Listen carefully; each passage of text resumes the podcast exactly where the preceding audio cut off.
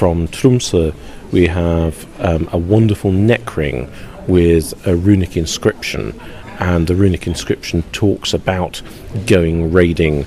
Uh, in Frisia. So it's not just the victims that tell us about the Vikings going raiding, they tell us about that themselves.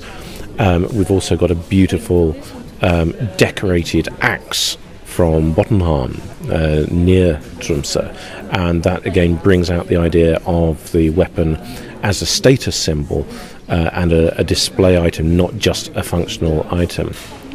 And from the Bryggens Museum, we have what for me is one of the loveliest pieces in the exhibition. It dates from after the Viking Age, and it's a little bit of graffiti, really, uh, found in the big Bryggen excavations of the 1950s, 1960s. And it's a carved stick with a picture of the prows of a fleet of ships, all side by side, most of them plain, but a few with the dragon heads that we all think of with Viking ships, and a few also with decorative wind vanes on the front. And we have one of those wind vanes, the Heggen wind vane, which comes from the Oslo collection.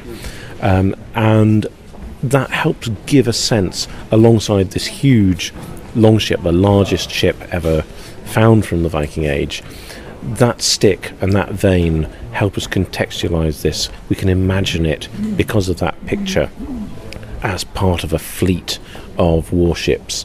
Um, and I think that imagery is very important. And the stick also has on it a runic inscription, um, which translates as Here sails the sea brave. Um, is that the name of an individual ship? Is it a name applied to the whole fleet? it's a reminder of the, the sort of poetic descriptions that come from the Viking Age, and that the Vikings indeed were a poetic people, not just killers. Du har selv vært uh, i Bergen. Hva lærte du der om vikingene?